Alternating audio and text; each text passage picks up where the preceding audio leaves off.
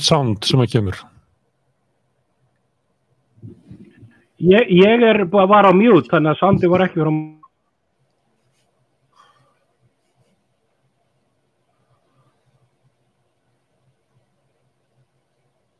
Já, velkomin að Rauðaborðinu eftir hérna sumarhjö. Við ætlum að eh, vera að breyta þess þættinum. Við ætlum að vera aðtókot við getum ekki bara sagt fréttir og verið með fréttaskýringar og, og svolítið svona öðruvísi þátt. Það kemur bara í ljós hvernig það verður og hvernig það gengur. En í kvöld erum við með ímislegt. Við ætlum að, að minnast til dæmis uh, Barbaru Erinræk sem að dó núna á fyrsta september. Ætlum að minnast hennar. Við ætlum að, að velta fyrir okkur hver Lís Trúsar, svo sem að er verður fórsettisráður að Breitlands. Við ætlum að skoða stjórnarskrána sem að tílienska þjóðin feldi, hvaða áhrif það hefur á stjórnmálu þar, hvað var í þessari stjórnarskrá og á hverju hún var svona rótek og út úr hvaða umhverfi hún spratt. Við ætlum að skoða efnaðskreppuna í Evrópu sem er mikil út af stríði og ymsum ástöðum og við ætlum líka að skoða neyðar ástand í helbriðskerfinu. Hinga kemur Theodor Skúli Sigursson inn í stúdíu til okkar og við ræðum aðeins um það. Við ætlum að vera með svona smá sirpu um helbriðskerfið í næstu þáttum. Þannig að hér er svona ímyndilegt á dagskrá og við sjáum bara til hvernig það fer allt saman en við kannski Þú að byrja okkur um fréttum vikuna, hann er með mér hérna, hann Karl Hjeðin sem er nýr veðstjórnandi, eins og sagt er, veðstjórnandi Röðabalsis. Velkomin. Hvað er í fréttum? Ekki búið að vera rosa mikið, það er kannski helst að segja frá því að skýrslu ríkisendurskoðunar er enn og aftur frestað. Það er um ekki, ekki til fréttu þar? Ekki til frétta þar, einmitt. En. Og við býðum bara eftir því að... Heldur hún að við áhrif? Nei, ekkert endilega, því miður, ég hef ekki endilega mikla trú á því, sko. Hvað mun verið í henni, þú veist? Það var svolítið hérna, þegar Vafge var með landsþing eða fund, ég man ekki hvað það kallir þetta, á hérna um síðustu helgi. Mm. Að þá var svona eins og þau væru að hérna, velta fyrir sér hvort þau væri að finna eitthvað svona rými til þess að vera að aðskila sér frá sjálfstaflunum. Þeir voru náttúrulega vildu hækka fjármæstekjurskatt og setja útsvara fjármæstekjur. Við máttu heyra það á Katrín Jakobsdóttur, hún hefði verið að bara berjast fyrir því lengi en það hefði verið eitthvað staðar í bakarbyggina, ekki að við vorum verið það. Og þeir eru með málstofur um baratuna gegn fátækt. Svona... Já. Já. Já, og þeir vildu hækka, hækka uh, veiðigjöld. Mm. Þannig að það var svona, það var í kring, kringum mótmælinn við Íslandsbankasölunni og svona viðbrögs almennings við því, að það var svolítið svona verið að ræðum það að það gæti verið að, að hérna framsókn og Vafkið værið að velta fyrir sér svona möguleika um að fara út úr ríkistöðinni. Samfélkingin, píratar, viðrist og fleiri getur stutt minnilutastjórn þessara flokka vantrusti í smá tíma. Mm -hmm. Mér fannst það svona núna í kringum hennar landsfund og eftir hann væri aftur komna svona á kreik ykkur svona kannski bara væntingar um það frá græsflutinu kannski og svona na, já, og þau eru að reyna að endur skilgrina sig kannski eitthvað aðeins frá því sem að er búið að vera að gerast áður. Já. bara tala um það sem að skiptuði máli að það sem þau segja skiptuði Ég veit ekki, stundum þetta bara leikur. Já, ef þú ætlar að sprengja ríkistjórn þá fer það að tala um hvað er að Mm -hmm. Herðu, en við, við ætlum að skipta núna yfir í Jónshús í Kaupanöfn og hérna hitta þar fyrir Ásker Brynjar Torfarsson. Ásker, þú ert þarna eða ekki? Jú, komið sæl. Já, það er óþarf að taka hann Guðmund inn, hann er ekki í þessu lið. Við ætlum að byrja því að, því að þetta er svo frjálsluð þáttur, þetta er svona casual TV. Akkurat. Er til að slökk og viftinu. Það er heldur betur, já.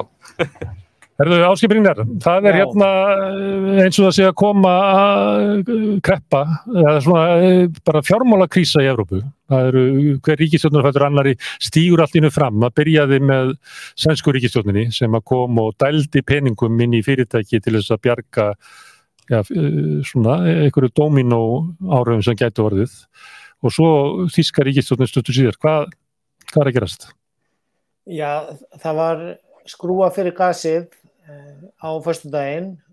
Það var nú búið að vera mjög mikla sveiflur í gasverðinu sem að hafa áhrif á rafvorkuverðið og orkufyrirtækjum voru búin að vera að fá aðstöð bara í Fraklandi, Finnlandi og víðar af því að hinn sameilegi evrópski markaður fyrir orkuna sérstaklega að, að hann er með svona framverkum samningum sem að var nú sett undir strángara regluverk eftir fjármálarhrunni þannig að, að það eh, er passað upp á að eh, aðiladnir séu með mótaðila og séu með svona veð fyrir hluta af áhættunni. Og þegar að verðið hefur verið að sveiplast svona mikið að þá að veri veðköll eða sem kalla eftir meiri peningum frá orku framleiðundunum þarna sérstaklega sem að voru að tryggja verðið eh, fram í tíman og uh, síðan vegna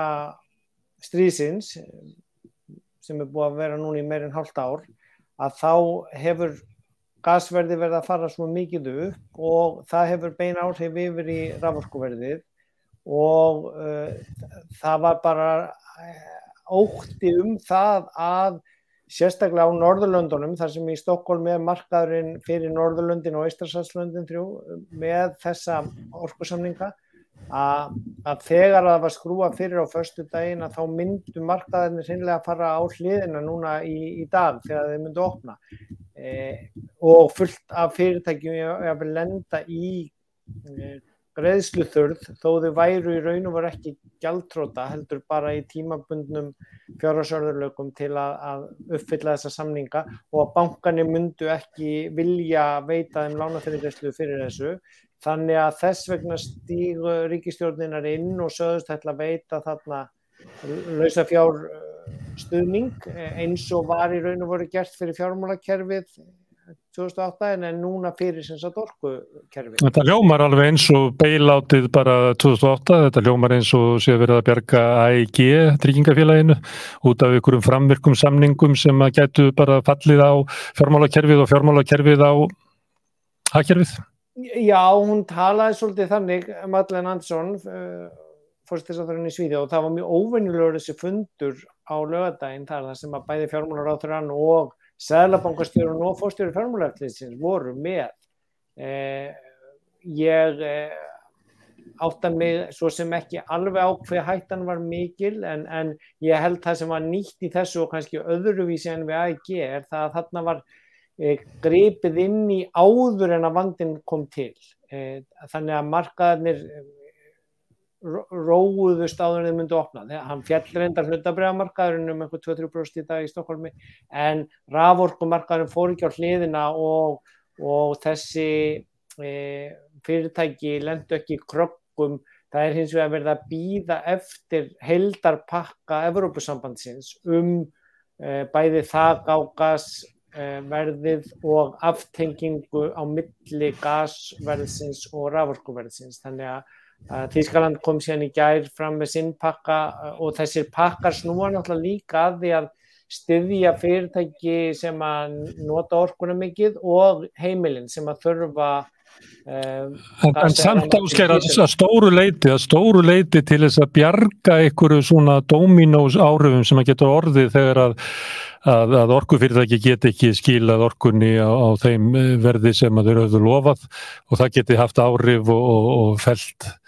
fjármálakerfið eða, eða var það þannig, ég var það því að þú nefndir hérna sænska fundin, var það þannig að, að, að því það eru nú kosið á sunnundagin í Svíþjóð að þetta væri kannski full dramatíst hjá fórstisráðurunum að hún vildi koma fram og eins og hún væri að fara að bjarga sænsku þjóðinni? Já, hún talaði allavega mjög svona dramatíst, notaði orðið stríðisvetur framundan mjög mikið Eh, en, en þeir voru nú svona heldur uh, rólegri en bætismenninir, Yngves og Sælubankanum og, og uh, Handanberg úr, úr fjármálæftleitinu þannig að það, þar var meira svona að þeir sögðu að það væri ekki vandi fyrir hendi en það væri hægt á honum og, og, og þeir, þetta væri gert til að fyrirbyggja það. Þannig að um, þú færð aldrei klappa á aukslina fyrir að forða krísu sem að verður ekki en, en, en það er ómulett að vita hvernig markaðinir hefur brúðist við núna. En, en það verður samt óvisa áfram þar til að, að uh, pakkin frá Örbjörnsambandinu verður komin og náttúrulega bara uh, eftir því sem veturinn nálgast og eftir því hversu kaldur hann verður. En þetta, er, þetta er náttúrulega sko bæði merkjum það að þessi markaður fyrir aforkuna var náttúrulega ekki hannaður fyrir svona svakalega mikla sveiblur, það var 11 faldur munur á síðastlinu ári á hæsta og legsta verði raforkunar, gasverðið búið að fjórfaldast. Þannig að e, á hinbóin getur maður líka kannski sagt að e grunn þarfir eins og innviðir og uh, vatn og, og, og ramagnhiti húsnæði eru náttúrulega um, já, bæði svona með mjög mikla einogunar að fá keppnistilburði á markanum og þar með kannski erfitt að ætla að láta hann virka eins og hvern annan markað og sérstaklega fjármálamarkað. Þannig að það er nú kannski harði veruleikin sem er að koma út úr þessu líka en, en við verðum samt að muna þegar að þessu komið á þá var náttúrulega hvert land með sína landsverkinu í Európa þegar európski markaðurinn er settur upp að þá er náttúrulega verið að samtengja þá raforkumarkaði þannig að það sé hægt að nota uh, umframorku uh, það sem er ekki þörf á henni og nýtana það sem er þörf á henni. Þannig að það er í raun og veru góð og gild markaðsvæðing en, en síðan þegar að eh, eins og stríðsherran í Moskvu sem kann með sínum lögfræðingum að nýta sér markaðsleikvöldin eh, til eins ídrasta til að græða sem mest að þá náttúrulega eh, já, verða á endanum stjórnmálum sem hafa treyst markanum fyrir þessu að grípa inn í þegar þetta fer út úr, út úr böndunum, út úr kortinu og, og, og mm. En er ekki einhverju fleiri sem er að græða á þessu heldur en uh, að þeirra er svona? Er þetta ekki tækifæri til þess að græða á þessu eins og hægt var að græða á, á orkumarkarnum í Kaliforníu og búa til skort og, og græða ógæslega? Já, sko þarna í, í, í þessu tilfelli var þetta nú sko ég, það er búið að vera að setja meiri reglur og hömlur á, á þennan marka þannig ég hef svo sem ekki rannsækað nógu vel en, en þarna var þetta að mestuleiti varðandi það að orkufyrirtækinn keftu uh, samninga til að, að uh, minga flöktið og hafa öryggi fram í tíman en ef að verði færi síðan upp að þá gáttu þau nýtt sinn umfrað hagnað af uh, herra rávorkuverðinu til að greiða sig út úr samningunum. Þannig að, að og þetta eru mjög mikið fyrirtæki í stórum hluta í ríkiseg og ennþá orkufyrirtækin. Þannig að þarna var þetta nú held ég e, sko, að mestuleiti þannig. Og mótaðgerinnar sem að voru kynntar snýrur svo náttúrulega um það að skatleika síðan eh, ofurhagnaðin og kvalreika eh, þannig að, að ná í raun og veru fjár út göldunum sem færu til eh, aðstóðar af þeim sem að e, áttu að fá mjög mikið hagnaða flæði af þessu. Þannig að við getum sagt sem svo að ríkið stýgur þarna inn í markaðin e, til þess að ofur sveiplunar á honum e, fari ekki með annarkort fyrirtæki trót eða til tiltekin aðli ofurhagnað heldur þannig að það sé þá að ná til tilbaka með skallagning og, og, og dreifa því tilbaka þannig að þetta er, þetta er en, en þetta er að gerast fyrir framann augun á okkur núna þannig að það er mm. svolítið erfitt að vita maður þarf að fá meiri gókn og, og, mm. og, og skoða þetta betur til að vera alveg viss en, en, en þetta er náttúrulega hluti af stríðinu sem er ekki bara á vikuvellinu með hermönum og sprengjum heldur er í raun og vera á efnaðslega sviðinu og það var er, er, er það stríð að hitta Evrópu ver heldur en að, að menn vonuðust til? er hérna Evrópa að keira sér niður í samdrátt og kreppu til þess að hegja þetta stríð? Já, kostnarinn af stríðinu er náttúrulega mjög mikil. E, það er, er nú líka seglabankarnir sem eru að keira hagkerfin inn í samdrátt og jáfnveil farnir að viðkjöna það þess, ég er að búa til atvinnuleysi til að kæla hagkerfin þannig að samdráttunum kemur nú líka þaðan með hækkun, hækkun vakstana sem er tilkomin vegna verðbólgunar sem er tilkomin vegna stríðsins og hækkunar orku, olju, matvæla og rávaru en, en, en, en þau heimsmarkaðsverð voru fann að fara niður uh, í sumar og, og hækkun verðbólkunar að stöðvast uh, og gasverðið var byrjað að læka líka. Þannig að kannski má segja að þegar að uh, það var farið að leka út um það að ætta að setja þak á gasverðið og, og reyna að herja þar að þá var í raun og veru viðbrað frá Moskvu á þá vegu að fyrst var viðhaldi þrjátaga og síðan var, var það framlenging á lókun og Siemens, eh, hérna turbínunum kentum, Siemens svaraði því að þetta væri ekki verna þeirra turbína þannig að, og, og login sérst úr, úr, til Finnlands af, af gasinu sem er brent til í staðins að senda mm. til Evrópu. Þannig að þetta er í raun og veru held ég viðbúið þegar að, að eh, efnagsaðgerðinar eru farnar að býta meira og meira. Og þær eru náttúrulega farnar að býta líka í Rúslandi þannig að það er verið að búa til eh, alveg eins. eh, samdrátt og, og þrengingar sem koma fólkinu náttúrulega ítla og, og, mm. og öruglega markmið að hluta til með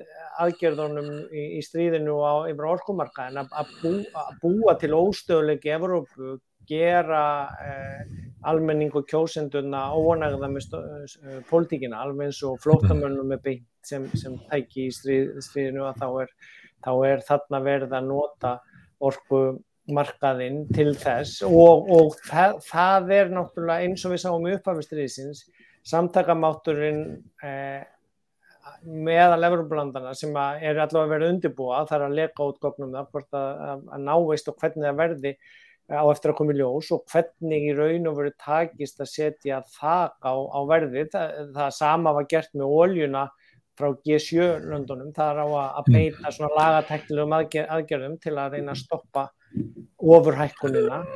Já, þú nefndir stjórnmálamenn sem hefðu veðjað á markaðinn og ég held að við hefum myndað hérna þegar við verðum að opna Nord Stream sem að um, gengið fengið sjanna. Þarna er allir vinir, þarna er Medidef fórseti, hann var fórseti Rúslands á þessu tíma.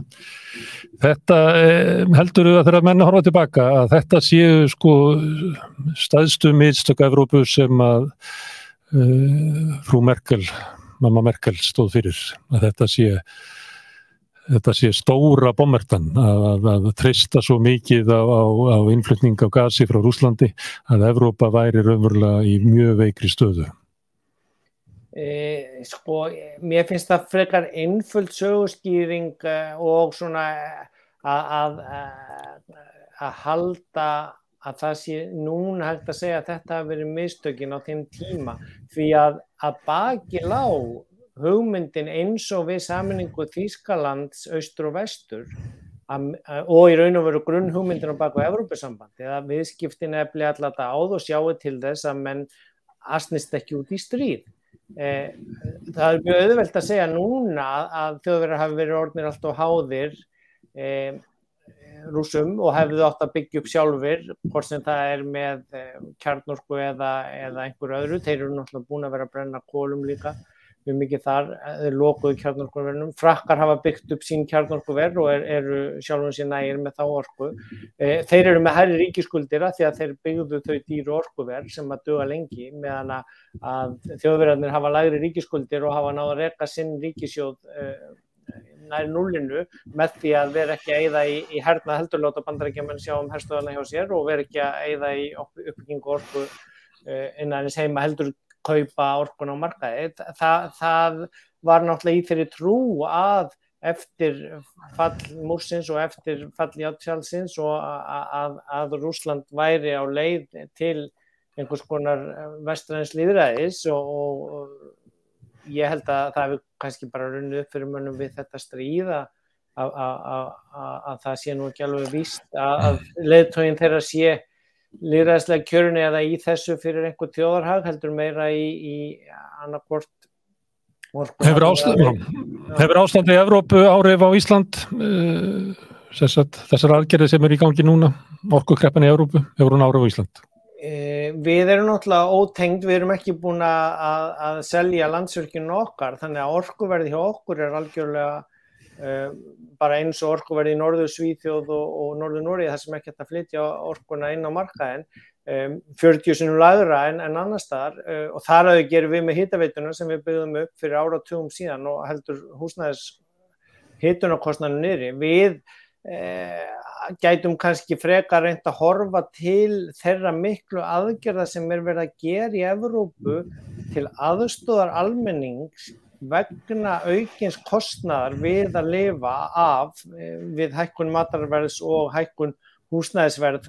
Það er ekki vextinni sem er að hækka eins mikið í Evrópu heldur er það hitunarkostnæðin sem er að hækka og, og, og stjórnvöldin þar eru að grýpa inn í markaðin og þá hækkun til að lækka útgjöld heimilina til að það verði ekki eins mikil krafa um launahækkanir til að standa undir þessu því að það mun kynntu undir verðbólkunni áfram.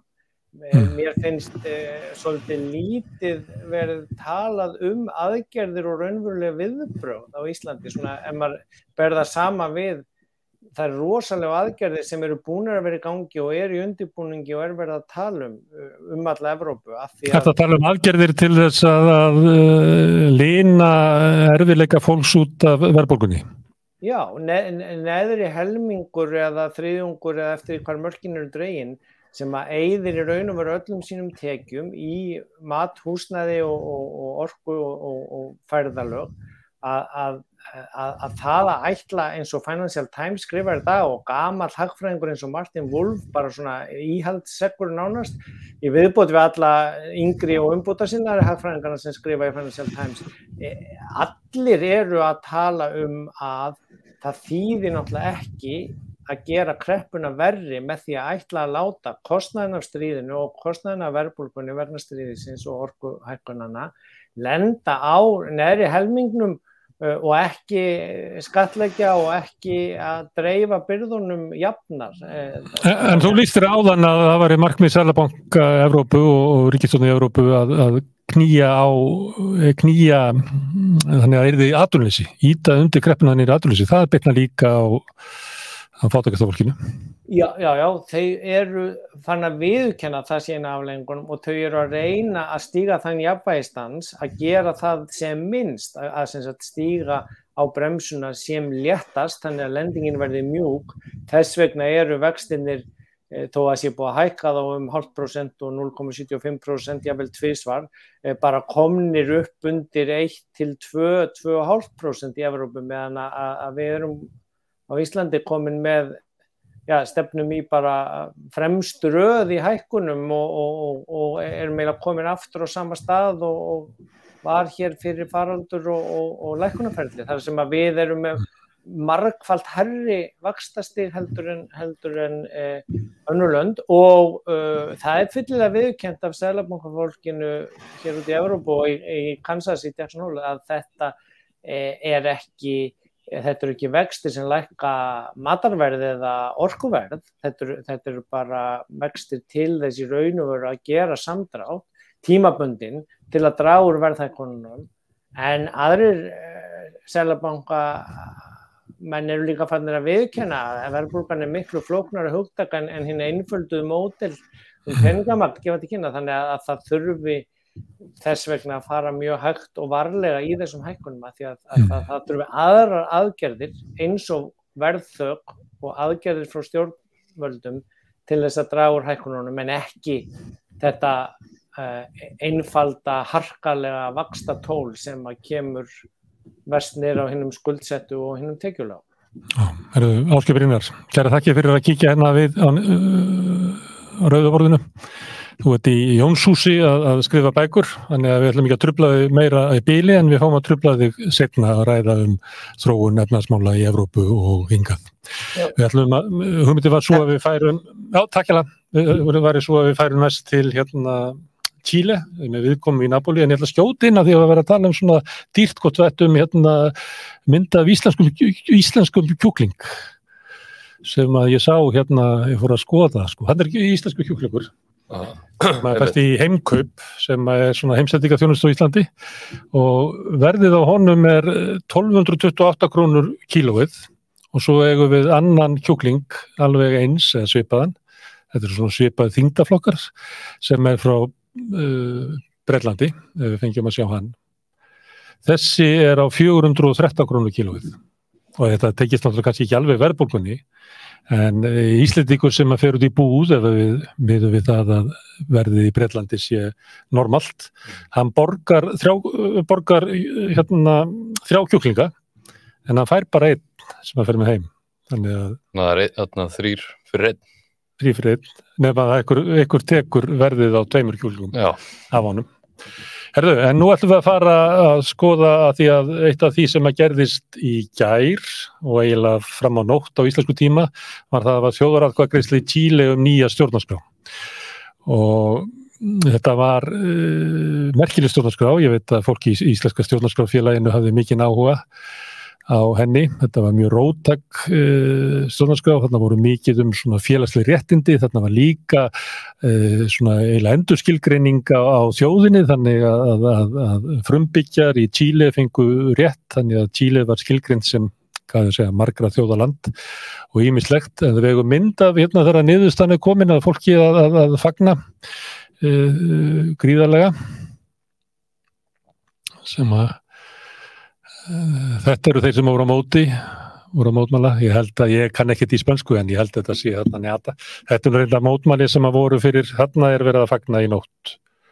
Og þeir sem eru að fagna eru þeir sem að vildi ekki þjóðrættkvæðistuna þetta er ekki eins og Íslandi að, að sem er rótak stjórnarská, ég held að sé alveg rétt hjá mér að, að stjórnarská draugin sem að lágu fyrir í Tíle voru miklu rótakar eldur á Íslandi.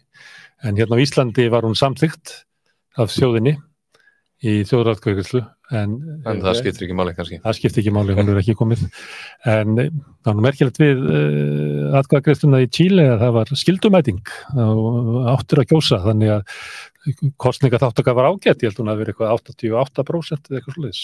En til þess að fræða okkur aðeins um þetta er hinga komið maður sem er núna stættur í Napoli en hefur búið í Tíle e, mjög lengi.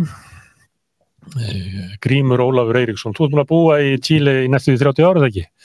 Jú, jú, jú, ég er búin að búið þarna í 30, eh, 29 ár, fór það út fyrst fyrir eitt ár og 93 og svona var við upp á sýrkon en, en já ég er sammálað þér sem þú segir að, að hérna, þetta var þetta var mikill rússi banni. eh, og ég skil það vel að fólk hafi verið haft áhuga á raunverulega hva, hvernig svona færi í svona djörf stjórnarskrá eða þetta kalla það og oh, oh.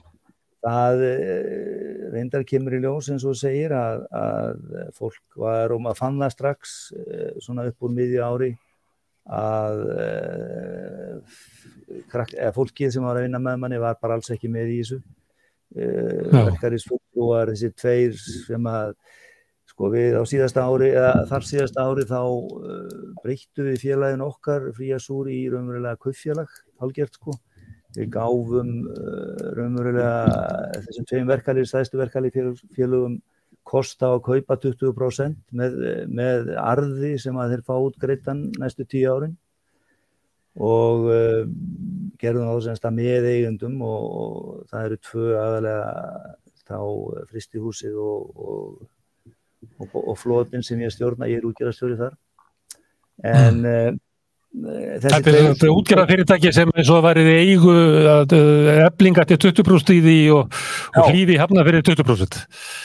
Já, nákvæmlega, nákvæmlega. og, og uh, það auðvitað mjög vel út, þetta er fólk reyndar, þetta er ekki, ekki neini svakali samlingar sem fóru á þarna stað, það er, það er má segja að hluti af ástæðinu fyrir þessari stjórnarskráls þegar hún fór í gang sé, sé ákveðin ástæða því að, því að þessi 80, þessi, þessi, þessi sprenging sem var 2019 þegar fólk fyrir á götur og, og, og heimtar að fá betri lífeyrisjósréttindi og, og betri lakna þjónustu svona í grófundráttum staðistu, staðistu svona staðistu kröfunar Að, og, og sem þróast síðan út í það að, að hægri stjórn Pínera tekur það ákverðum með þinginu að ok, förum við bara í ferli að, að fara í nýja stjórnarká og sem að síðan endar með þessu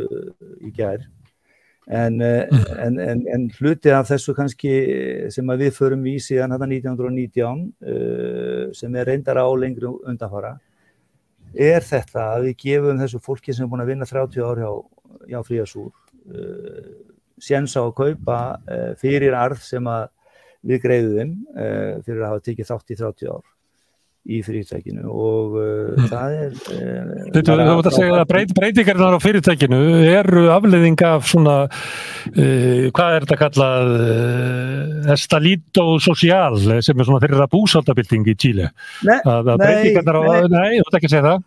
Nei, ég er ekki að segja það, ég segja sko Nei. uh, það, það er búið að vera uh, sko svolítið hum í fólki Já. yfir raunverulega besti lífur í sjóð, sjóðskerfi sem, í heimsins sem við höldum og margir halda að hafi verið eh, sem að er þetta frjálsa lífur í sjóðskerfi sem að, var, sem að fannst eh, eða, eða var fundið upp í, í, í tíð Pinochet eh, og Mm. hefur verið kóperað um allan heim hefur verið eðilagt hægt og rólega eh, að, að sögn eh, fólk sem að, sem að í, í síli og er, eh, sem, sem að veldur því að frías, eða sem sí, eh, síli er komin í tíunda sæti af, af svona bestu lífur í heimi. Eh, ok, þeir, það er alveg rétt það er, það er búið að breyta mikið þessu lífur í sjóð og, og, og það hefur mest gerst á þessum 40 árum sem að sem að raunverulega eða 33 árum síðan að Pinochet fór frá. Þá fóru menn að breyta þessu þinginu og e, lífur í sjóðinu er alls ekki eins góður eins og hann var og, þetta er en, en ok, þessi verkefnis fulltrúar okkar, þeir til dæmis sögðu í bara strax í júni að þeir myndu ekki ekki og ekki þeirra fólk myndu ekki kjósa þessa lífuris þennan hérna þess að stjórnarská breytingu. Þessa stjórnarská bara myndi ekki vilja sjá. Og Nei. ég eh, svona hjökk hjó, hjó mjög eh, svona eh, eftir því við, við þá báða að, að fyrir svona mánuði síðan hvað væri raunverulega því að þetta er svolítið lesning hvað væri það sem að raunverulega þeir væru hrættir við því að Mm. Þetta er, það er ákveðni hluti sem er, eru klárlega góður þarna í þessu skrá, stjórnarskrá og þá voru þeir báðið sammála því að, að á undanfærum 40 árum uh, sem byrjaði í tíð Pinochet þá hefur verið reistar, reistir fjórir, fjórir sem sagt uh, má segja burðarstólpar í atvinnulífun. Uh, það var einn burðarstólpi, það var námuðinaðurinn og kopanámuðinaður. Uh, núna undanfærum 40 árum þá hafa orðið til lax, laxinn, laxeldi, það hefur orðið til um, berjaiðnaður sem er mjög sterkur og, uh, og vínrækt.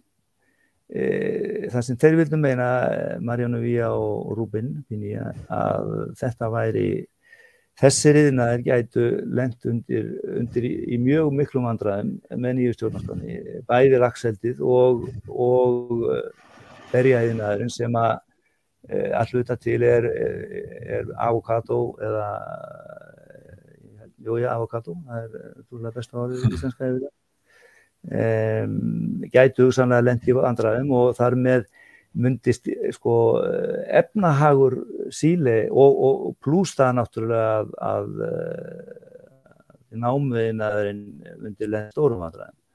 Þannig að menn voru mjög hrættir um efnahag landsins að við færum raunverulega beina leið á eftir Venezuela og, og ríkjum. Út af stjórnarskráni? Út af stjórnarskráni, Já. út af auknum frélagslegum réttindum, Nei, út af nei, auknum réttindum nei, frumbyggja? Nei, ekki, ekki Nei. félagslegum réttindum og ekki réttindum Nei. frumbyggja heldur að jável kröfur sko, eh, umhverfis, allt og harðar umhverfiskröfur Hmm. og jafnvel, jú það er rétt hjá þér, jafnvel eh, vandræði með eh, sko að allt í nú væri komið stjórnarskrá það sem að væri fjölþjóðar stjórnarskrá, það væri að splitt upp þjóðinni, það væri Mm. eh, menn væri að tala um allt annað heldur en eh, Kanada eða Bandaríkinn þar sem við erum að tala um multikultúral, við erum að tala um allt í nú komið með plurinational sem er raunverulega, eh, það, það fór mjög fyrir eh, sko ekki, það er nú furðulegt eh, maður ski- sér sko, ég var nú ekki heima í síli þegar kosið var en ég var að skoða hvernig, var, hvernig, hvernig dreifingin var á milli sísna sko og það er stórfurðulegt alveg því að, því að síslunar það sem að, að uh, indjánar eða frumbyggjar eru flestir Uh, þar er stjórnarskráni neita vest og, og hún mm. fær til dæmis í Arokoníja þar sem, að, sem ber nú napsitt á Arokonum eða, eða, eða Arokonum Indjónum eða frumbyggjum. Þar fær hún sko 73% eða 73,7% uh, resjasso eða, eða neitun. Nei. Uh, á móti sko uh, það sem hún náði bestum árangri þá þar náðum sko fórunni 55% í Santiago sko það sem er þjertbílast og, og er, er, er kannski minnstum frumbyggja. Þannig að e, það er þetta er doldi, doldi skrítið sko, og ég veist að menn verði smá tíma að greina raunverulega. Hvað gerðist þarna, hverjir kusu? Mm. er þetta gamli kommunistuflokkurinn sem kaus sem kaus, sko, kostningarna voru svolítið hátilegar, þannig að það er þar voru akkurat á kostningandegi Salvador Allende og. Eh, eins og við, það er náttúrulega þá náði hann eh, sko kostningu á 30 og eitthvað prosent eh, aðkvæðum. Það var, þá var það kerfi í síli að, að það var ein umferð, það voru sem sagt kannski fjórir í frambóði, sex í frambóði og mm. það var ein umferð og þá sem, ná, sem náði flestum aðkvæðum að hann, hann var fórseti, þannig var það fram til 80 eitthvað sko Mm. Uh, segðu mér Grímur, því að nú ætla ég að byrja að greina eitthvað sem að þú sér er svo ómúlegt að séu snemt til þess að gera það, en hann, uh, fórsetin Gabriel Bórik, hann uh, reyna þessu sem að stuðlaði að stjórnlaga þinginu og, og hérna, kom því í gegn. Hvað, hef, hvað árif hefur þetta á hann að, að þetta, já, það er mynd af hann með móikanaklippingu, þetta er svona hálfgerð, svona, hann er rockstjórnulegur, er hérna, hvað árif hefur þetta á hann? Uh, mun það leiða til þess að hann eigi erfileikum með að ná málum í gegn eftir þessu? Eða, eða þetta kannski brákjart fyrir hann að hann fer að gera eitthvað vegna að mér skilst að sumiliti hann hafi verið að býða svona eftir niðurstuðu þessu í þessu hérna, stjórnarskrámáli Hva, hvað árið heldur það hafi bara á, á pólitíkina og stjórnina í, í Chile? Vá, wow, það er sko það er, sko, fyrsta lagi þá gaf hann það út alveg og þetta, þetta búið að vera mjög tæft, alveg frá júni, sko. Þá gaf það út að það því farið strax aftur í, í að búa til annað stjórnlaða þing uh, og, og farið allan bakkan aftur, sko. Og uh, á sama tíma og, og sko, hægri menn uh, á þinginu keirðu það í gegn að ef að þetta skildi komu, henni er neitað þessari stjórnarskrá að þá væri hægt að búa til stjórnarskrá eða sko hnoða til þessa sem er núna fyrir mm. e, með sko fjóruðu sjöttu, sjöundu, fjóruðu sjöundu hlutum e, til þess að keira stjórnarskrábreytingu í gegn sko áður og, og, og eftir þessa tilögu þá þartu sko þrjá fjóruða þingmannum í bæði efri og neðra þingi Eh, en, en núna er, verður gefið grænt ljós á, á fjórðu sjööndu sem er 59 eða 57% eitthvað slíkt. Eh, þannig að það er auðveldara að keira í gegn eh, breytingar á núverandi stjórnarskrá. Mm. Það er svona sveipað og Katri Jakobsdóttir vil gera hér að breyta svona nokkur atriðum sem að er, er nú heldur að sé sátt um inn á þinginu en það verður ekki komið, það verður ekki náði í gegn. Þannig að Nei. Mm, þannig að það er eitthvað svona plan sem að tekur við núna að reyna svona lapp upp á, á stjórnarskona sem að er sem að var sett í valdatíma Pinochet og, og fær hann að einhver leiti svona nær kröfum uh, fólksins sem að krafðist breytinga í Tíle fyrir hvað þreymur ára. Já, sko það hefur nú tapast eitthvað í, í þýðingunni að maður hjá þér, kallin minn, eftir með þess að að sko Ricardo Lagos sem að var fórseti í Síle frá 2006 til 2010 held ég að fara rétt með oh. er nú sósialisti, sko, hann kemur úr sósialistaflokk uh, síli, bara eins og þú ert í eh, Íslandi og hann eh, Ricardo Lagos eftir að hann breytti eh, stjórnarskrani þarna á þessu tímabili þá leta þau orð falla að nú loksins væri stjórnarskrani, hann var eitt sko djarfasti og fremsti sko kritik eh, Pinochet alla, í gegnum alla Pinochet tíðina. Mjög, mjög mikill nagli og, og ennþá talin besti eh, sem sagt fórseti bæði á hægri og vinstirmönnum uh, í undanfærin 40 ár. Uh, en hann sagði þetta eftir að hann breytti stjórnarskráni að nú væri hún loksins sílensk. En, en það er alveg rétt, það er sko, hún er ekkit sílenskar en það að, að, að hún er náttúrulega byggð upp á, á þessum gildum sem að sem að Chicago strákarnir smíðuðu upprönda og, og hefur kannski fleitt síli svona vel áfram með að við sko mjög mikið mun ríkari lönd eins og Argentínu og, og, og Brasil sem að, eða Brasilíu sem að hafa ekki hafi ekki hreifst sko. En, en eh, menn eru alveg meðvitaðir eh, alveg sama hvort það eru hægri menn eða vinstri menn að það þurfi að endur smíða þessi stjórnarskrá og fyrir lungu síðan. Og, og það ég held sko, ég þekki engan sem að neytar því en, en það voru allir mjög mjög mjög, mjög kvektur og hrættir við þetta hmm.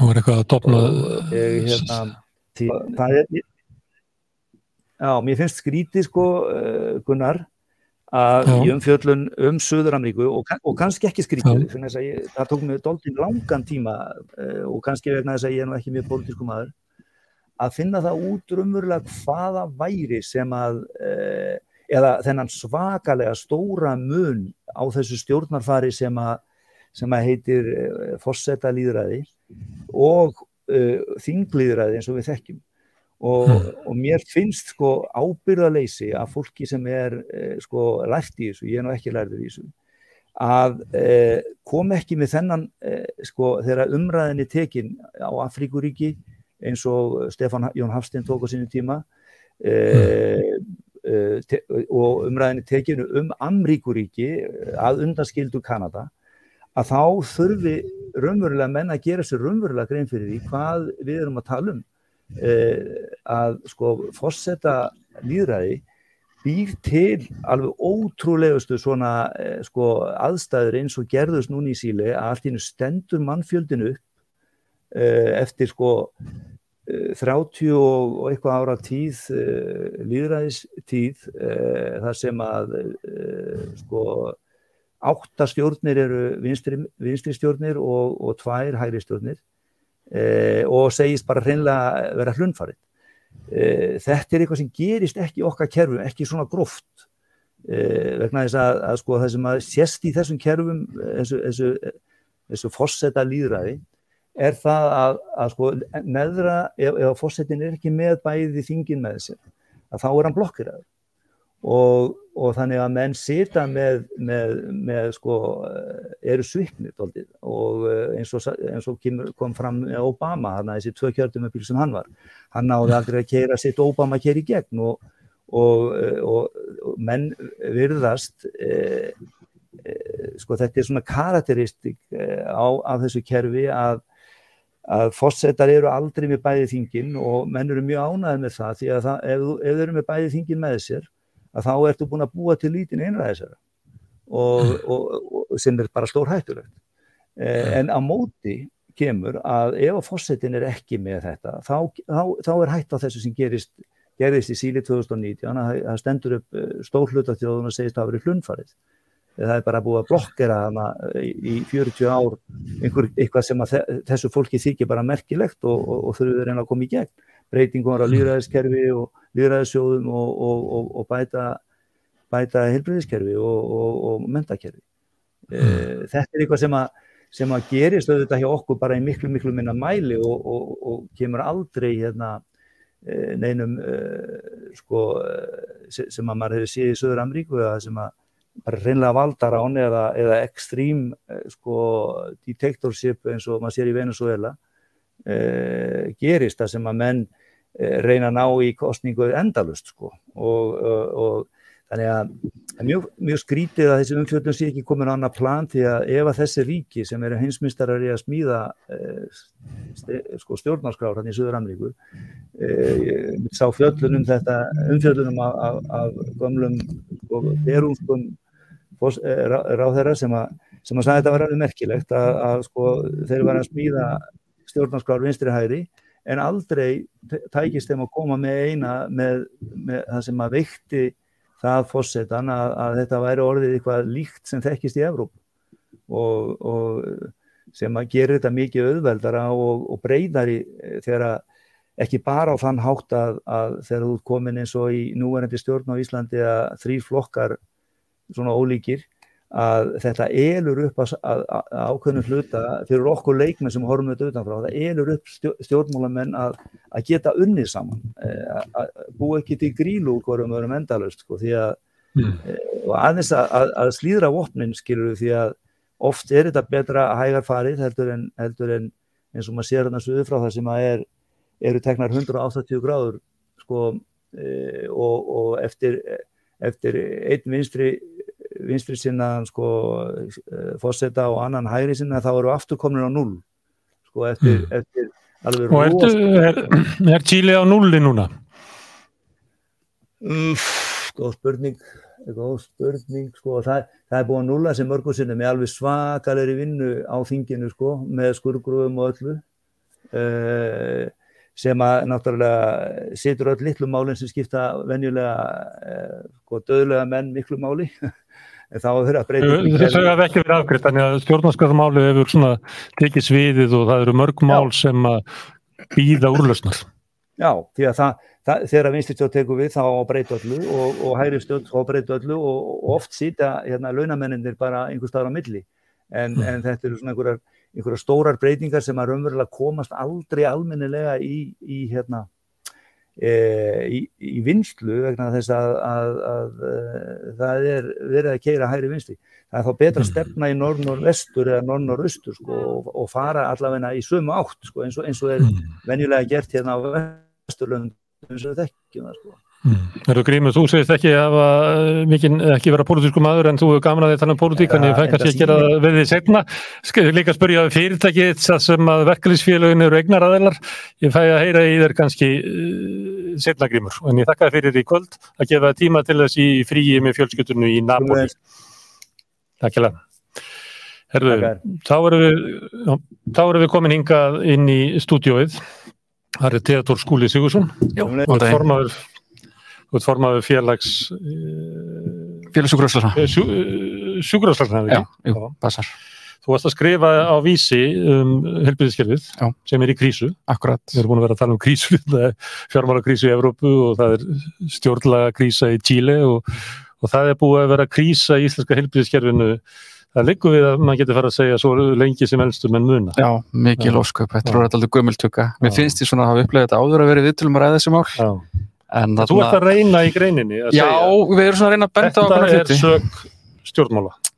Já, eða, já, að, já, þetta er náttúrulega sko fórgangsröðun það hefur einhvað bröðist eh, pl stóra planið hefur bröðist eh, það var svona lagt upp með sammenningu sjúkrásin hérna á höfuborgarsvæðinu og það hefur verið einn, hvað maður að segja hörmungarsaga, myndi ég segja eh, frá uppáðu til enda og nú landsbytarnir sem verður til út úr saminningu landsbytarnas og borgarspytarnas er ekki gott fyrir bríð. Við veist ekki vera, ekki fyrir súklingarna nýja starfsfólkið. Eh, við sjáum hvernig það er búið að skapa einhvers konar skortstöðu á heilbríðismarkaði, í heilbríðiskerfinu.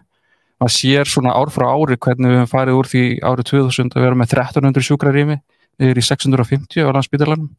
Við reiknum öll pláss sem voru inn í þeim tölum og það segir sér sjálft að náttúrulega þjóðin er að uh, vaksa og, túrismin blómstrar mm.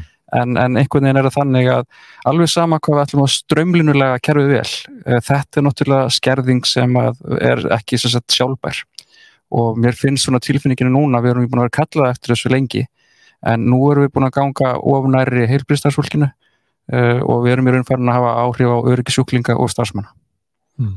Hvernig eh, þessi saminning, hvað tengist það? Ertu að raunverulega leggja til að, að nú er komið hérna háteknisjúgráðsið, hérna, stóri landsbítalinn sem þjóðir er búin að telja að vera svona megin markmið okkar í, í heilbyrðismálum í allavega í svona 15-20 ár. Já. Það sé kannski ekki málið. Það veldi fyrir sér sko hvort eitthvað hefur brúðist í þessu plani sko. Söluraðin var náttúrulega svo að það var óhagkvæmt að vera með nokkra spítali hér á sömu torfinni samina þetta undir einni yfirstjórn og þar að leiðandi myndum við þá kannski geta nýtt fjármunna betur. Ég hef ekki séð nokkrar tölunum það, enga greiningu síðustu 20 árin sem hefur sínt okkur fram á þetta hafi búið árangur. Uh, maður veldi fyrir sér svona í ljósi alls að ég held að lækna samfélagi því var ég seld þessu hugmynd með það að þetta myndi auka vísindi uh, og, og, og annað tækifæri um, en einhvern veginn hefur það ekki sannreinst og, og nú erum við svona fann að heyra meira og meira það rættir ekki bara uh, svona út undan sjálfum við, bara svona meira bara í samfélaginu að kannski hefðu við komið tími til að svona endur sko þessa forgámsröðun og þetta plan. Þegar það er allt kemur alls og þá er eins og við sett öll ekkin í eina körfu og þá er þetta auðvitað að sauma þeirri körfu uh, spara meira, stremnulega meira og það er nú þannig í ofnbjörgkerfinu að það er alltaf einhvern veginn ákveðin fjárlög. Þú getur sett ákveðin ramma utan um það og svo setur þú ákveðin að spartna að kröfa þann ramma. Mm.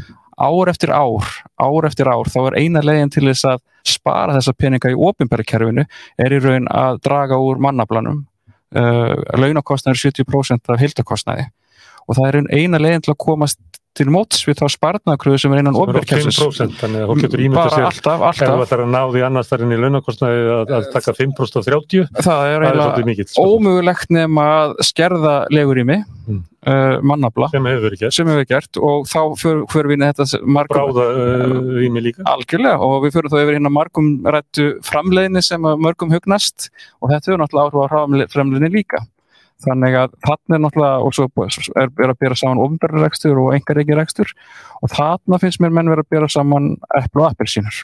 Það er alltaf erfitt að bera saman bráðastarfsemi við valkvæðastarfsemi mm. þar sem að þú getur bara lagt upp aðgerðplan dagsins og það er ekkert sem hefur áhrif á þetta Svo erum við hins vegar að reyka núna í þessari skortstöðu sem er heilbyrðiskerfinu, heilbyrðiskerfi og landsbítala með 100% nýtingu. Og það er alltaf þannig að þú ert að íta undan það farginu til þess að þegar að skapa þrýma einum stað þá ítur það yfir annan stað. Og þetta á ekki bara við landsbítalan, þetta á við krægasjúkarhósin, þetta á við heilbyrðistofnar yfir höfuð, þetta smíðast yfir heilsugessluna og svo náttúrulega sjúkur á sakurir en, en það áttu við með þessu? Að, að, að sér umvel ekki hægt að reyka heilbríðstjónustuna með 100% nýtingu? Það er ekki hægt. Og það hafa kannski svona 83% það er það sem OECD er mæli með. Og það ávið um alla hluta og alla ánga heilbríðskerfisins af því að um leiðu það verður of mikið álag sérstaklega lærdomur eftir COVID já ekki bara COVID, við séum þetta áður. En ég held það að þegar bætir ofan á 100% nýtingu þá ertu farin að þenni ansi mikið. Og ég held að það sé eftir því sem ég hef nú verið og ástæðan fyrir stíð fram er það að ég hef ávíkjur af því hvað áhrif þetta hefur haft á heilbriðstarfsfólk líðan þessu heilsu. Mm.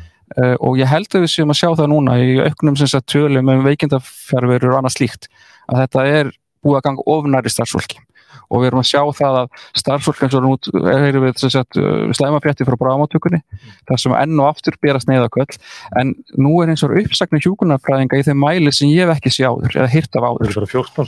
Þetta er gríðarlegur skellur og þetta er miklu reynsluboltar og ég á erfitt með að sjá hvernig bráðamóttakan á standundi því að missa þennan fjöld og kannski annað einst næstu mánaðamót. Og þetta er ekki bara við hjúkunarfræðinga uh, læknarnir hafa verið íllamannar það hefur ekki gengið að manna stuðu læknar sumur til dæmis þar sem að þeir hefur, það er fyrir september mánuð að þá er á eftir að manna vaktir sem að nefna fjórum stuðum gildur lækna og þetta er gríðarlega mikið og þeir læknar sem er til staðar, það er kannski þrý læknar á vakt og svo er þetta bara tveir og kannski bara einn.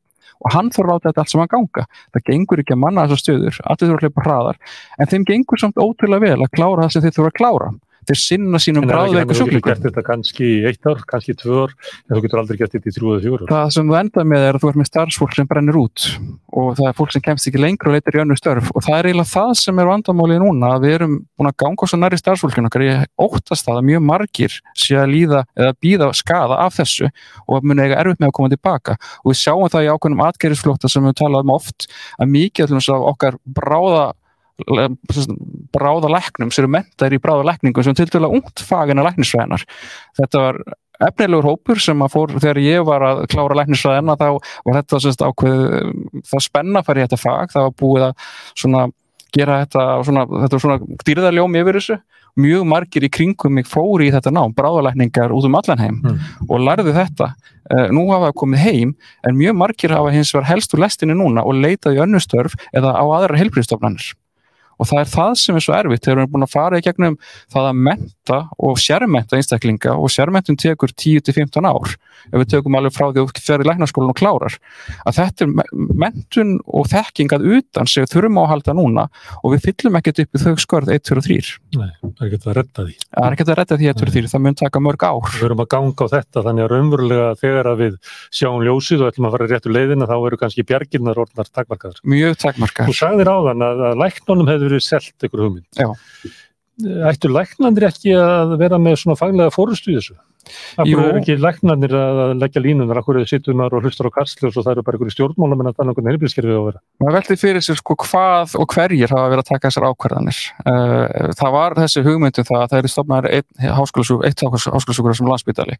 Við myndum frá þessa glæsilegu nýbyggingu sem að í dag er ekki ennriðsinn Uh, ég held hún er því risin þegar ég kem á mínu tíu ára sérnámi í Svíþjóð en hún er ekki risin. Og ég með þess að horfa á það þegar skóplustunga fór fram við erum komin heim. Uh, það er einhvern veginn þannig að minn hafa dragið lappirnar. Og nú er það þannig að við erum sérst sjáum fram á það að háskólasúkrósi, þessi glæsileg hátæknispítali er ekki enn risin. Um, og sennilega ef ég smákjör á því að það myndir dragast á lánkina þegar nú er menn fyrir að tala um að draga saman ofin fyrir fjárlögu og annað, það er þænslega þjóðfélaginu. En einhvern veginn held ég það að þessi sklæsli spítali, hann sé ekkert hann orðin, orðin tóm, hann er orðin svona hálfgerð viðbygging við ringbröðina og þegar allt kemur til alls að þá er þessi spítali orðin of lítill fyrir þarfur þjóðarinnar í dag. Og ég hef áhugir af því einhvern veginn að Þetta byggja borgarspítalan, annar stöður Já, ég það, það er það sem er að tala um, hvort það þurfi ekki að skilja á milli eh, af móti kemur það það var sérst rökin fyrir því að fá þetta alltaf eitt stað sem ég tala fyrir til dæmis að við fáum alla bráðþjónustin í eitt hús og það er gríðilega mikilvægt fyrir sjúklingana að það sé eitt hús, ein lína og ein þjónusta. Þannig að þar getum við notað alla vaktalínur.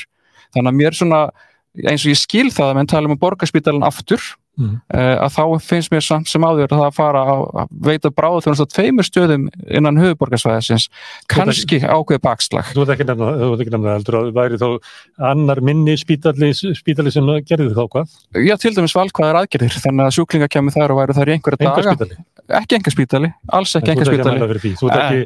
það er í umræðinu kemur oft fram að vandin sé rekstraformið ég held að sé rekstraforma mörgu ég held að menn þurfa að skilja mellir bráða og valkvæðarastarfsemi í dag er þeir út með 100% spítalum 100% nýtingu, þá er ekkert svigrum fyrir bráða atvikin sem náttúrulega hrannast inn, þú stýrir þeim ekki þau fælast er í valkvæðaðgerðanum og valkvæðaðgerðina þær þurfa að plana og þær þurfa að ræða upp.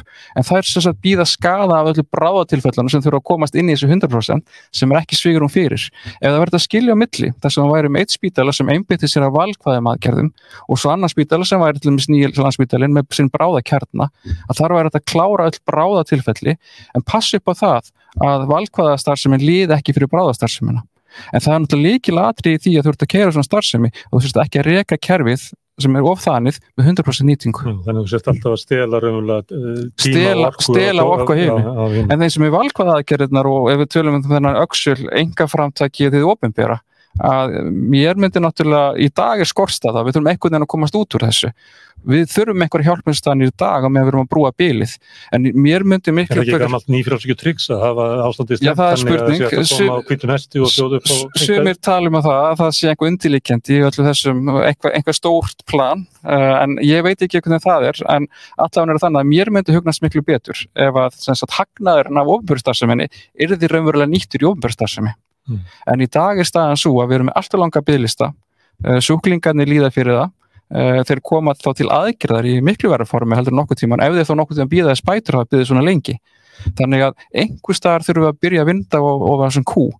En ég tala um þetta til og með síðan þessari greinsinskrifa að það er hver hefur haldið utanum sko fjár, fjárhægin síðustu árin og ég er búin að horfa á þetta samtal millir fórstöru landsbytarlands, helbriðisraðara og fjármálraðara mm. og þetta er einhver samtal sem verður skanga í ringi.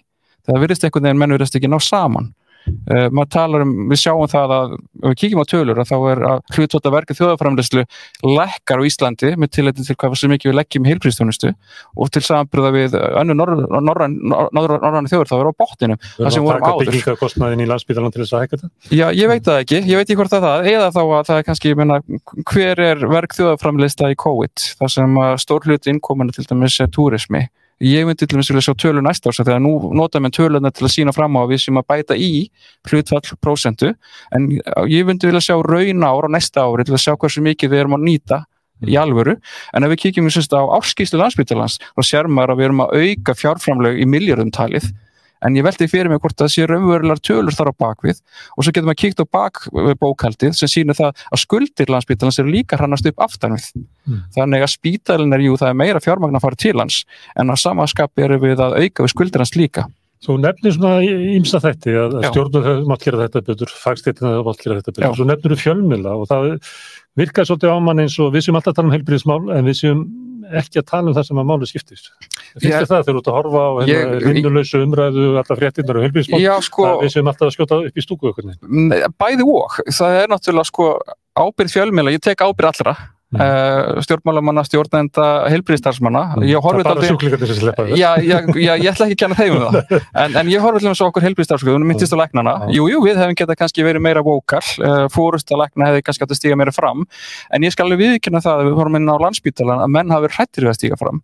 Af því að nú höfum við í raun haft einn stóran vinnuveitenda sem er landsbítalin og það hefur ekkert verið vinsalt til dæmis en að vekja landsbítalans að lækna stígi fram og tjái sig en nú er til dæmis styrtulega ný ung kynsla komin heim sem kalla eftirhundskynsluðina sem kemur inn í þetta ástand sem skapast eftir hrun og það runna okkur tvær grímur þegar við komum heim og nú erum við algjörlega það voru algjör endurníun í fórustu læknafélagsins.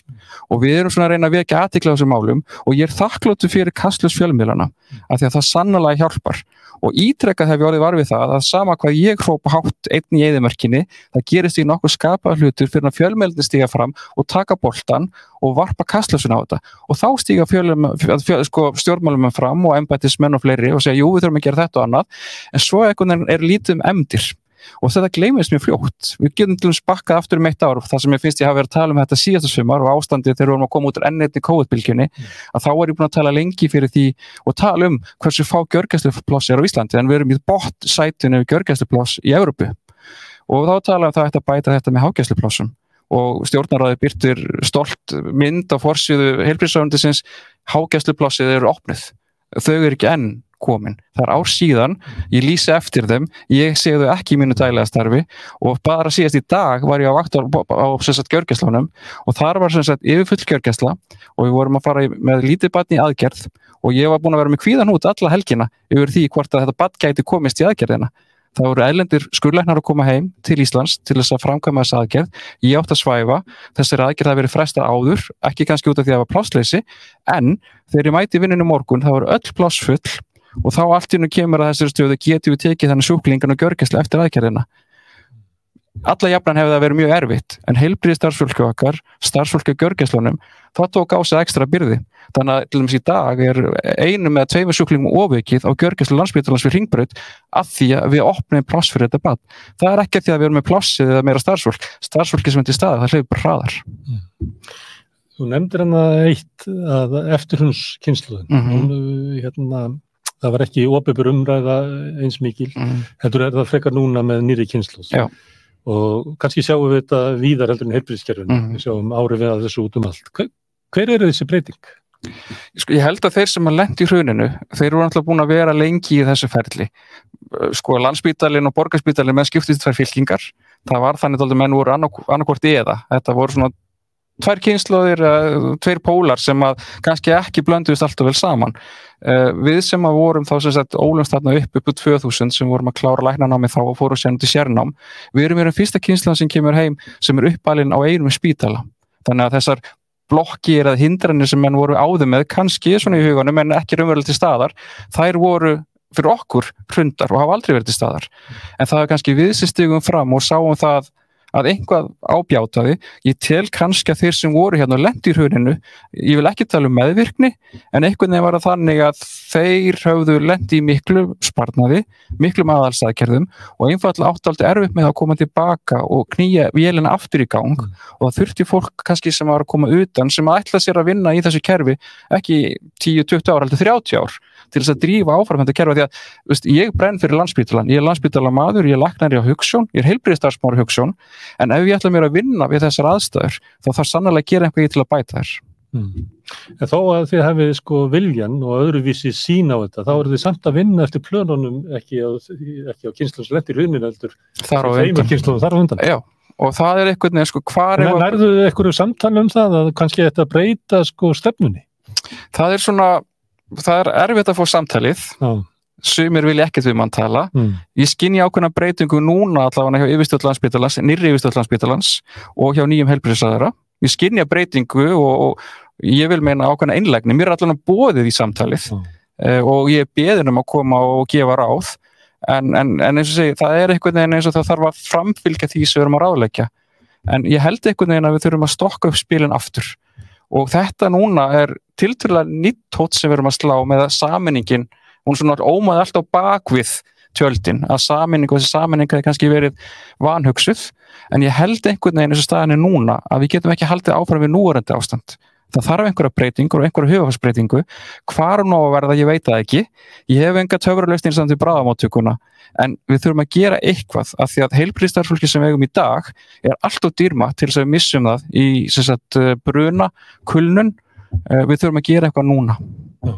Herru, gangið vel í baratunni Takk hjá Takk fyrir. Við fylgjast með þessu hvernig gengur að, að sýta kannski einhverja nýja stefnu í, í heilbríðiskerfið hjá okkur. Núna ætlum við að það var breyting, það var talað um að það var í nýr uh, eh, helbriðisráður og nýstjórn í landsbytalanum það komi nýr fórstisráður í Breitlandi uh, Guðmundur Auðunsson, hann er statur í Breitlandi og hann ætlar að segja okkur frá hver er hver er þessi kona sem er orðin formaður í Alfloksis og fórstisráður að Breitlands Guðmundur, velkomin.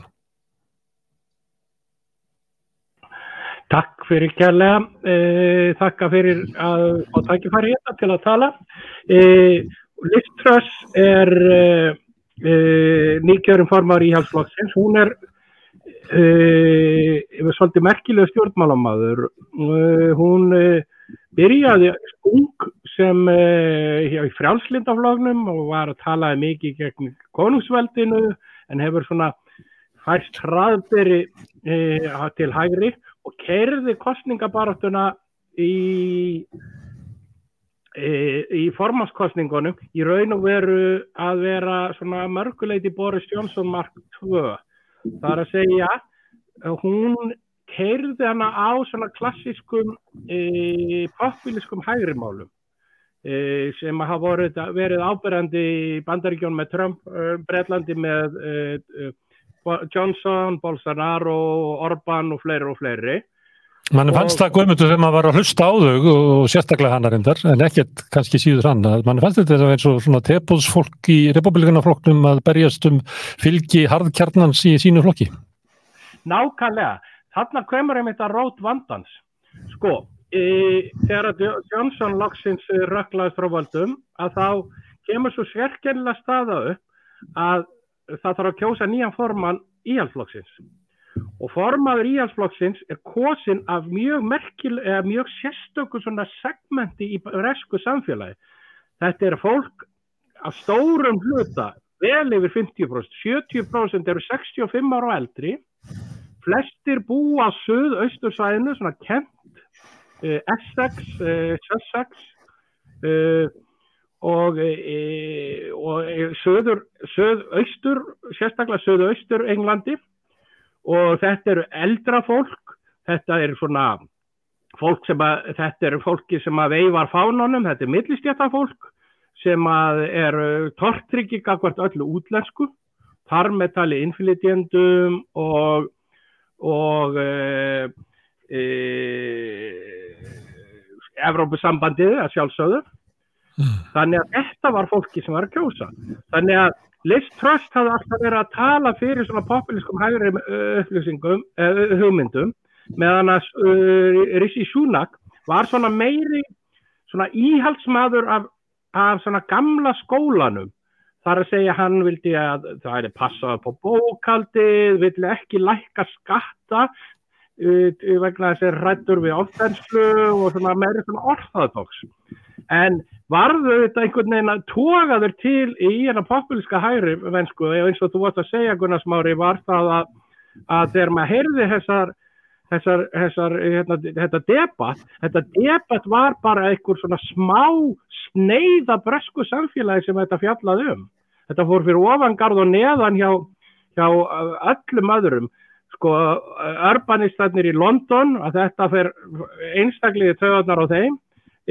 Verkalistettinnar í rauðbeltinu, þetta er ekki samræðu sem stjænfis koma neitt við, þetta getur hafa verið fólk sem ára móti Brexit, kaust íhalsflokkin eftir að hafa kosið verkefnaflokkin áður, að var fylgjandi Brexit, en þessi samræða við eh, gamalt millistjættarfólk eh, var ekki eitthvað fyrir þau og þannig í þessum hópi er verið að kjósa næsta, var verið að kjósa næsta fósættisra á þeirra bregðlands. En stundum er það þannig að fólk talar svona inn í kórin til þess að fá stuðning hans en síðan þegar það kemur að því að þú þarfst að stjórna Breitlandi í það sem er alls konar fólk og fólk eins og þú veist að nefna sem bara er alls ekki fylgjandi þessari stefnu að þá verður það svona milda stefnuna. Hvort er hérna tröss að fara að gera? Er hún að fara, að, er það bara uh, Margaret Thatcher sem er að, að skella á eða eh, var þetta bara eitthvað svona mantra sem hann þurfti að fara fyrir, eh, með fyrir sitt stuðnísfólk? Ég held að það er, það er sluta, báðu er rétt.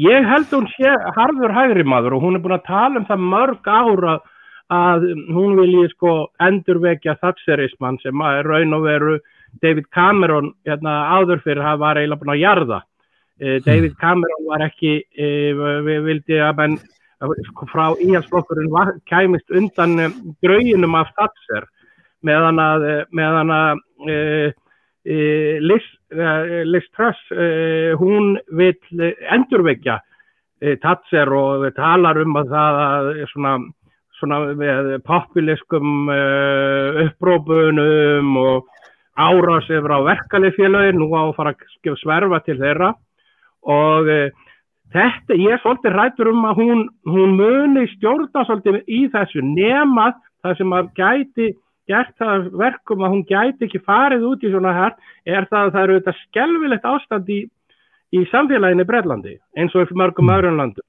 Það sér fram á bara gjaldrót eh, miljóna heimila núna bara í vetur Þannig fólk verður að velja mellir þess að, uh, að fris, frjósa í hel eða, eða svelta í hel og við erum ekki að tala um einhvern jáðar, við erum ekki að tala um einhverjar hundruð þúsunda uh, einstaklingu, við erum að tala um miljónur, tugir miljónur. Jafnvel fólk sem að hefur að lifa sæmilu lífi að það horfur upp á það að það sé verið að tífaldast orkukostnaður sem eru auðvitað gerðvett og við á Ísland, Íslendingar eru svo hefnir að að er orkuverði er algjörlega fyrir utan þennan pakka. Þannig að við sjá, eh, kostnæri sem við sjáum tengis bara uh, bensinin og, og bílaflótarum og ég, ég, ég, ég sá könnunum daginn sem að breyta voru spurður hvort þeir myndu sjá fram á það að þeir þurft að spara við sig hít, hít, hítunarkostnað að hýta húsin minna næsta vetur. Og það voru yfir 60% sem sögðu já. Þannig þetta er ekki bara einir allra fátökustu heldur er þetta högg sem að, að fer langt upp eftir allri millistjöld Nákvæmlega, þetta er sko sprengjusvæði sem að Liz Truss finnur sér í. Hún er búin að vera að keira á því að nú er ég að fara að lækka skatta og það, er, það mátti Rissi Súnak eiga, hann sagði að það væri bara fjárstað að fara að tala um að lækka skatta núna á þegar það er ákveðin verðbólku þensla uh, og að við erum að horfa upp á þessa, uh, þessa, orku, uh, þessa stórfældu hækkun á orkukostnaði, gasi og, og ramagni. Þannig að það þarf að og því ég held að það skipt ekki máli hver hefði unnið að það þarf að gera eitthvað til að bjarga heimilunum vegna þess að annars mm. enda fólk bara út á götu Ok, hún er kosin af, af sínu flokksfólki sem er eh, eldra og býr í suðrinu og er ríkara og, og íhjaldsamara en er það ekki samt þannig að til þess að ná einhverju almenni gegna þá þarf hún að fá svona umbóð frá kjósundum það var ástæðan fyrir því að, að Theresa May fór í kostninga til að snemma þannig að nýr fórstisráðara sem er ekki yfir unnið í kostningum hann þarf eiginlega að sækja kostningasíkur til þess að hafa almennlegt umbóð til þess að gera eitthvað. Er það ekki málið. Það má ekki búast við þetta kortingar kannski svona eh, innan ás, innan eins og hálsás. Það er, það er ákveðin hefð fyrir því að eh, mm. venjulega þegar það skiptum og það gefar bæði þegar Theresa May og þegar Boris Johnson tóku við að þá var tildulega skammu setna voruði með kostningar og það er vegna þess að hún hefur og Boris Johnson allavega, sagt að hann var fósittisrátur á flokksinn sem að vann stóran meiri hlut á þingi, fórsættisráð þeirra efni, hún hefur ekkert slíkt umbúð, hún hefur bara umbúð þessara, það voru 80.000 einstaklingar sem kösu hana, 60.000 kösu uh, Rishi Sunak, þannig að við erum að tala um alveg, uh, bara taka sem dæmi hvað íhalsflokkurinn er raun og veru þröngur þegar Jeremy Corbyn og kosin formaður, uh, formaður hérna, fergamannaflokksinn, þá fekk hann um ná, nálagt halvu miljóna atkvæða flokksmanna, mm. þannig að við erum að tala um mjög lítinn hóp sem er að velja hana. Þannig er mm. raun og verið þyrtar að gera það. En það verið einu sinni eitt nýlega eitt fórsettur þegar hann gerði ekki og mætti segja að það var guðleiti skiljanlegt, það var Gordon Brown þegar hann tekur við og þá verður efnaðsrunnið og mm. það eina sem ég sé fyrir mér að það verði ekki kallar nýjar kostningar verði með einhvers konar tilvísun í, í stríðsástand og, og skelvilegt efnadsástand en samt þarf hún, við erum aðtöfa kostningarnir voru 2019 þannig að seinastu lægi þurfa kostningarnir að vera í desember 2024 þannig að það þarf að stýttast í það. Mm. Boris Jónsson var við uh, alþjóðskap, eins og sagtir hann hafði hann gætt skora langt út fyrir flokkin og, minna, hvaða skoðanir sem henn hafa svo sem á honum hvernig hann gerði það en uh, Lís Druss er allt önnur hún er ekki svona kona við alltíðuskap, hún er ekki svona stjórnmálamæður sem að sér fyrir sér uh, róta til sín fylgi á, á, á personu sjarma sínum. Nei, það er almennar skoðanir fólks. Ég, ég hef verið að lesa mikið svona skoðanir svona pundits eins og það kalla, svona sérfrænga. Það skiptir einhver máli hvort að menn eru á hægri vagnum eða vinstri vagnum eða miðjunni eða hvar sem þeir eru. Flestir eru sammálu um það að liströst komið til með að verða veikur leiðtói. Það er hægt að segja margt um Boris Johnson en hann var allavega ábyrðandi. Eh, það má segja hans helsti veikleiki, hann var, mörg, hann var mjög sko svona karismatískur. Hann kom frá mikill yfirstjættar en hún var tótt að tala með því, hann bjóð til einhverja ímynd, svona bumbling clown ímynd sem að virkaði vel. Og hann tótt að ná til ákveðin hóp, verkafólks og sérstaklega svona, svona verkafólk á svæðum þar sem að væri svona og þar sem hann getur bara á brjósjur við breytar, við englendingar þurfum ekkit á öðrum að halda Evrópubandalagið og frakkar með, með sín kvítlaug og svo framvegis. Við, hefum ekkert með þá að gera Liz Truss kemur frá allt öðru sér bakgrunni og hún, hún nær þess ekki. Hún kemur frá svona pappinar háskólaprofessor, reynda svona hluti af liberal elitunni sem að, sem að hérna e, svona populískir hægri menn hafa voðalega gaman að tala um. Þannig að hún, hún kemur svona hún kemur ekki yfir, yfir stjettinni og, og ríkustu yfir stjettinni og Eton og Oxford eins og, eins og, eins og Johnson. En ég sé ekki hana fyrir mig ég uh, það sem að uh, gæti að orðinu helsti bjargar er það að, að verkamnaflokkurinn er mjög litlausan fóringja núna og sem að uh, það gæti snúist upp í baráttu litlausu leðtóðana og það getur hugsanlega bjargaðinni en, en annars sé ég ekki það hún er eftir að skorast hátt. Hmm, verkamannaflokkurinn hefur líklega frekar kosið hana að hún myndi vinna eða ekki. Hún er betri anstæðingur við verkamannaflokkin.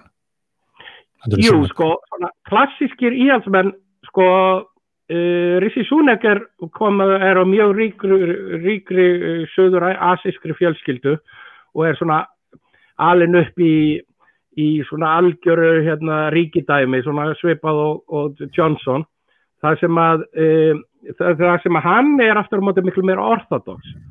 E, hann er hugsanlega get, hann er með svona teknokati strík og hefði hugsanlega geta verið, sko hann er ekki hann var ólíklegri til þess að uh, æða út í sko mýri bara til þess að eldast við eh, einhverja sko einhverja svona rákungmyndir sem að eða, eða einhvers svona populisma og Liz Truss er miklu líklegri í það.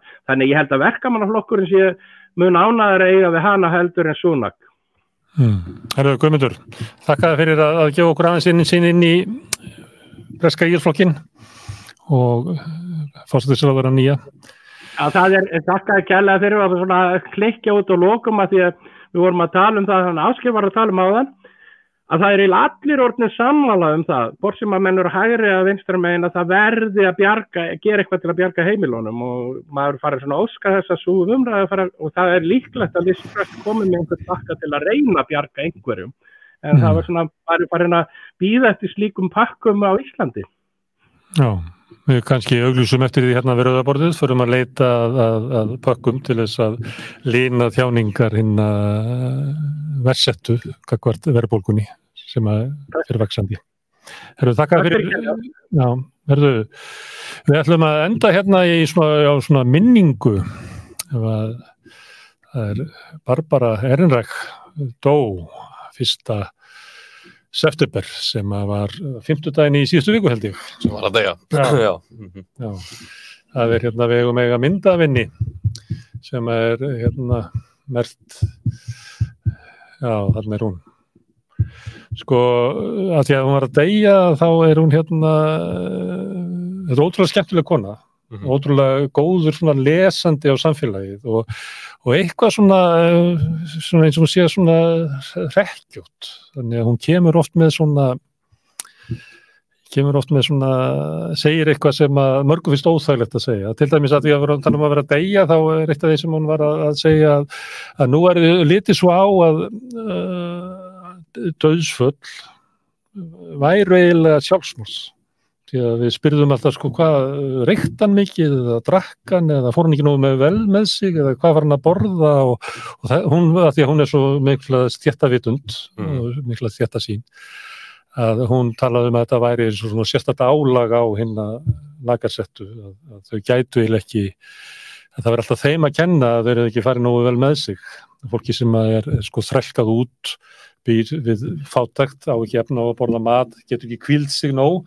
Þetta væri eiginlega þe- þeim að kenna því að er að geta svona sigrað döðan og tópaksfíknina og kaffínfíknina og allt saman. Við eigum fleiri myndir ef að, laugu verður bara til að fletta myndunum og hætta að sína okkur.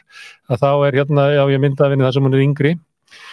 Hérna hún er alveg upp uh, hún ta- talar um það uh, hún talar um það, hún var alveg upp við svona mikla stjættvísi það voru tvær reglur á heimilinu sem hún fekk frá fóröldur sínum, það var annars vegar að, að aldrei gerast verkvælsbrútur og nú tvö, tvö aldrei að kjósa republikanarflokkin en hún hérna fór nú í nám og lærði held ég eðlisfræði og svo efnafræði og, og, og svona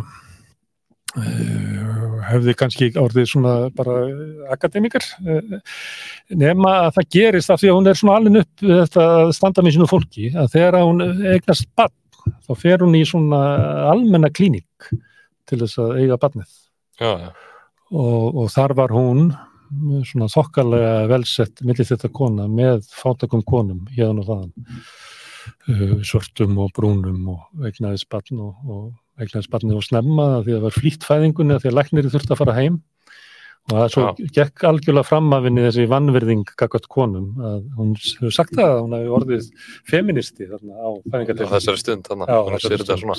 og hún fór að, að, að berjast og tók þátt í, var aktivisti í, í feminisma og tók þátt í að skrifa greinar og svoleiðis, rosalega sem hún hérna, hefur búið til mikið af efni sko, þetta er bara ótrúlega kona og, og við hefðum náttúrulega átt að vera að minnast hennar frekar en hérna, þetta er miklu verkilega held og ég með að- nokkra bækur svona til þess að gefa bara hugmyndum hérna hvernig hún er með, það er hérna nei, það er ekki þessi. Það, byrjum á númer þrjú. Og tökum bara í réttri röð. Þetta er svona þegar hún er hérna er svona eh, feminismi horfa á, á, á, á kallana og þetta er um svona hjarta kalsis geti þetta heitað, ameríski draumurinn og flóttinn frá skuldbyttingum þar sem hún er að fjalla um, um kalla en, en þó að, að þetta sé kannski þannig, þannig bók að þá var hún var hún að byrja að tala um sko sósílískan feminisma bara uh, held ég bara svona 74-75 það var uh, því fræg grein eftir hennu það.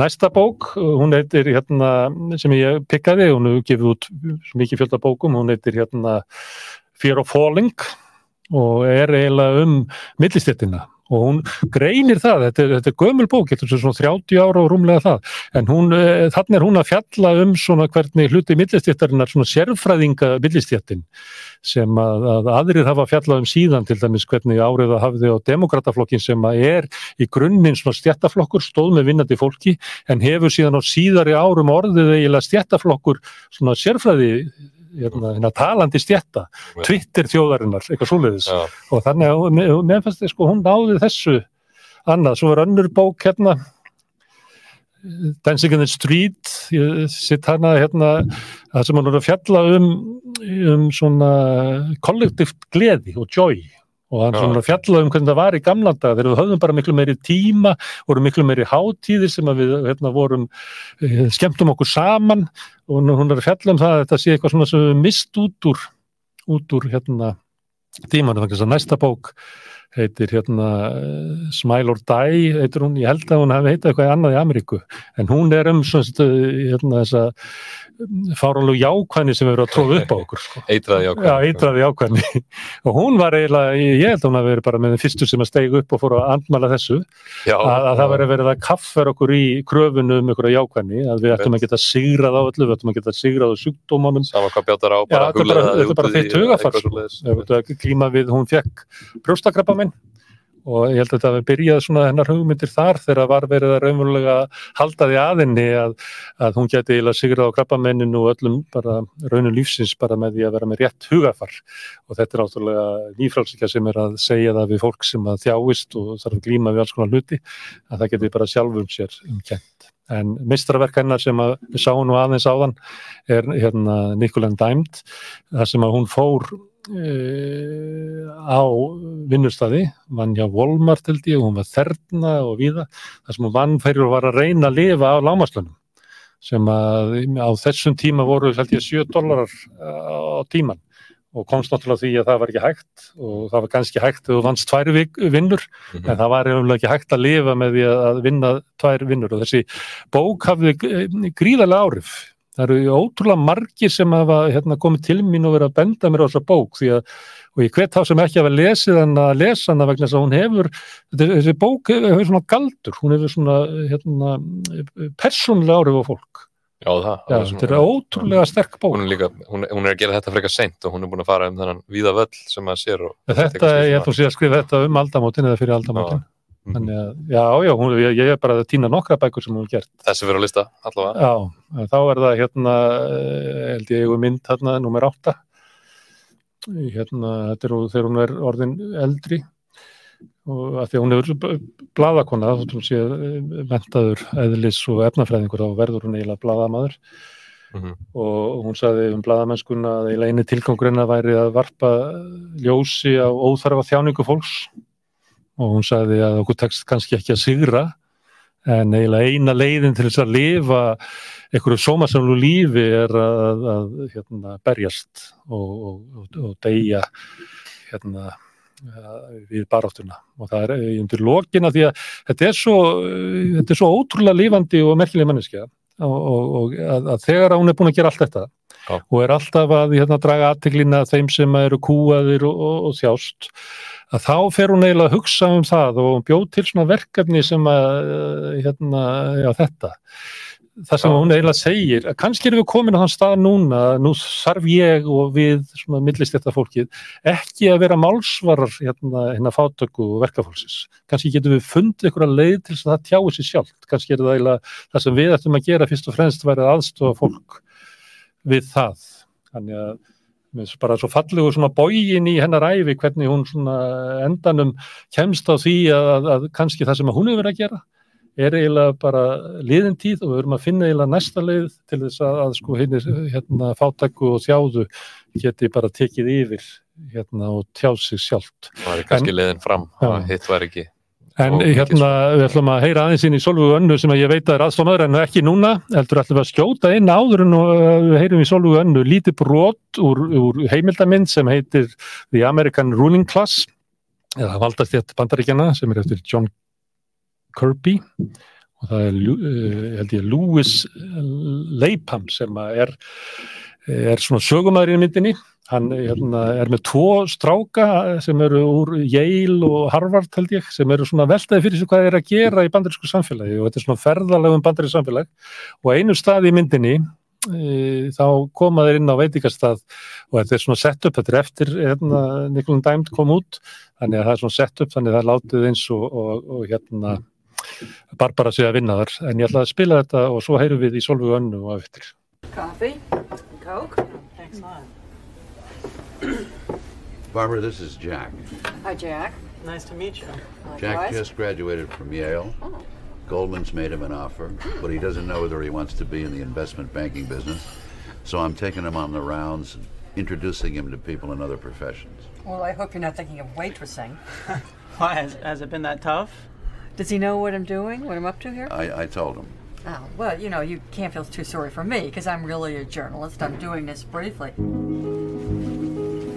But one of the very humbling things for me has been to learn really that there are no unskilled jobs. All jobs take skill and intelligence and experience. They're hard. From the first day I started working here, I've been running. And first I was running around after Gail, she's another waitress here. Okay, Barb, can you take the pancakes to 63? I should be explaining how to do things and also telling me about um, her trouble. She's been living in a van. So I ended up living in my truck out here in the parking lot from like March to July. She works full time, but she can't afford an apartment or anything uh, regular like that. But anyway, it's it's so it's so much. It's overwhelming. I can't even think about the fact that I may be too tired to get out to the parking lot by the end of the day. So what was the end result? Did, did people, can you get by, in other words? Not in the jobs I've had. Right now, I'm already $100 behind on the rent that I need uh, to pay for my half-size trailer in the trailer park. So, you know, even living in a trailer park seems to me a little ambitious at this moment. But we're talking about the height of the last boom, right? Yes. Height of the boom, all boats rising, building a better world, Well, exactly, in a way. but not entirely. Full employment, pretty much, Yes. at the time. Wages should be technically rising, right? That's what you'd think, according to law of supply and demand. But management will do anything to keep from having to raise wages, even when there's a so-called shortage of labor. We created a lot of jobs in this country in the 90s, but they're not jobs that a person can live on. And that's what, you know, completely undermines the myth of this great American job producing economy. If you can't live on it, it should, doesn't count, it seems to me.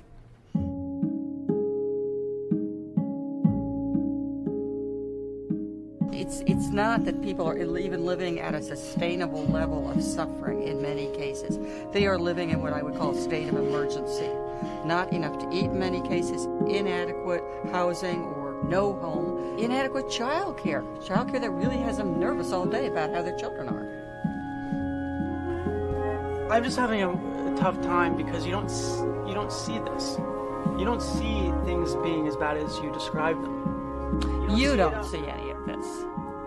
You don't see it, Jack, because you hang out at Goldman Sachs or wherever it is you want to go to work. But they have philanthropy, public service. A lot of those people devote millions and millions and millions of dollars to building houses in poor communities. to- Philanthropy. Don't tell me about philanthropy, Jack. The real philanthropists in our society are the people who work for less than they can actually live on because they are giving of their time and their energy and their talents all the time so that people like you can be dressed well and fed uh, cheaply and so on. They're giving to you.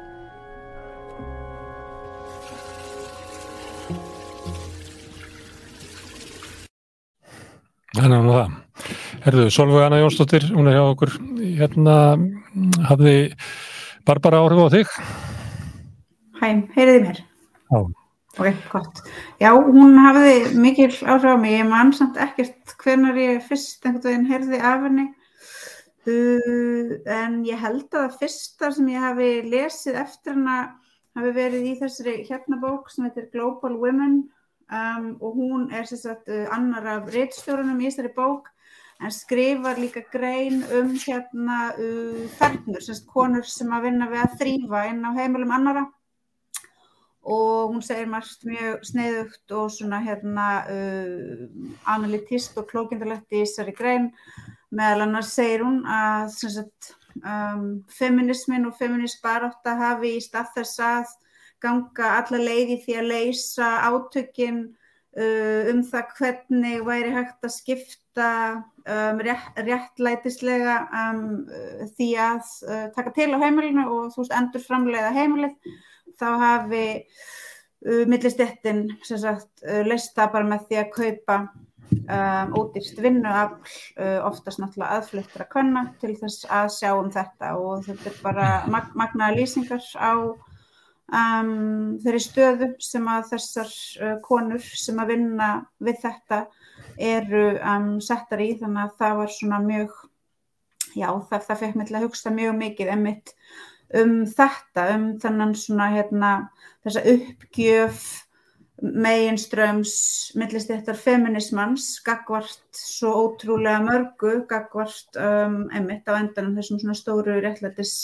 réttlætismálum er varða það hver, hvaða konur meiga vera frjálsar og hvaða konur eiga að vera ódýrt finna svo að hinnar geti verið frjálsar. Og við náttúrulega sjáum þetta mínu viti mikið hér á Íslandi til dæmis eins og inn í leikskólunum þar sem það er alltaf talað um um, um þær félagslegu endurframlegslu stofnanir sem grundvöldina hvernfrelsi og hefur aldrei mátt tala um, um það að þær eru náttúrulega um, opereraðar á ofurarðráni um, þar hafa konur verið látnar vinna fyrir laun sem að döga ekki til þess að þær sjálfar geti séð fyrir sér og sínum til þess að tryggja ódýra barna gæstlu um, og svo náttúrulega las ég, um, hef ég lesið Smile, or Die og svo hef ég lesið þarna þessa frábæru bók sem að þú að tala um sem heitir Nickel and Dimed mm. og sem er einmitt eins og þú varst að segja bara svona um, ekki bara frábær svona rannsóknar bók sem að dregur upp um,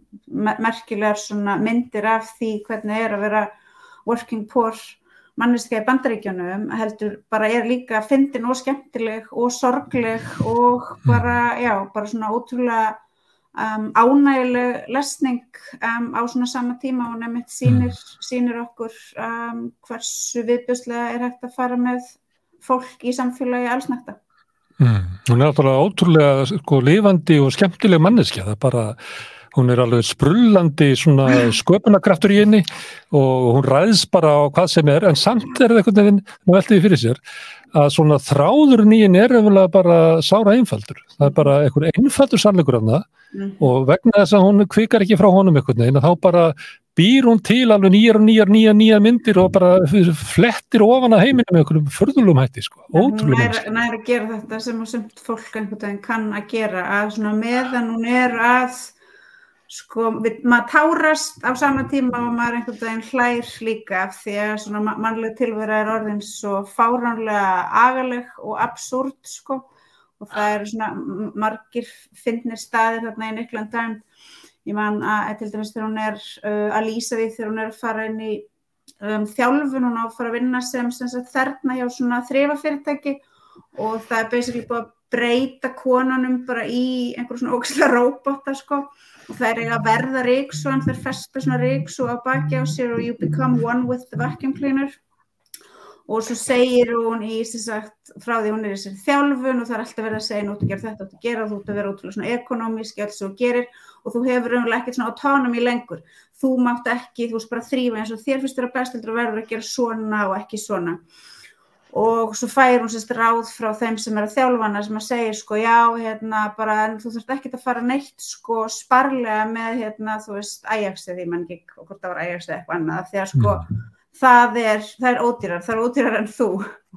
Segir að gott að fá að vita það er allavega eitthvað sem er ódýrar en vinnuaflið mitt og það er hérna Ajaxið þannig að á sama tíma og þetta er svona já bara er ekki hægt að hugsa sér neitt hræðilegt á samt getur maður ekki annað heldur en einhvern veginn hleið að hryllingnum en hún samt fyrir eitthvað, hún fyrir ekki oflant í það því svo dregur hún mann bara alltaf tilbaka og hérna ég veit það ekki, hún er bara einhvern veginn, hún var alveg stór, stór merkileg manneskja og algjörlega einstök. Og það er mynd nú mann ég ekki, ég var bara hugsaða núna þegar ég var að tala það er ótrúlega fallega mynd um litla stelpu sem er býr við hliðin á Disney World í Flórida og er alveg upp hjá bláfátakri móður þetta er stórmerkileg mynd og einhvern veginn því að horfið á þá mynd fyrir svona einu tömur ára síðan þá var mér svo oft hugsað til hennar.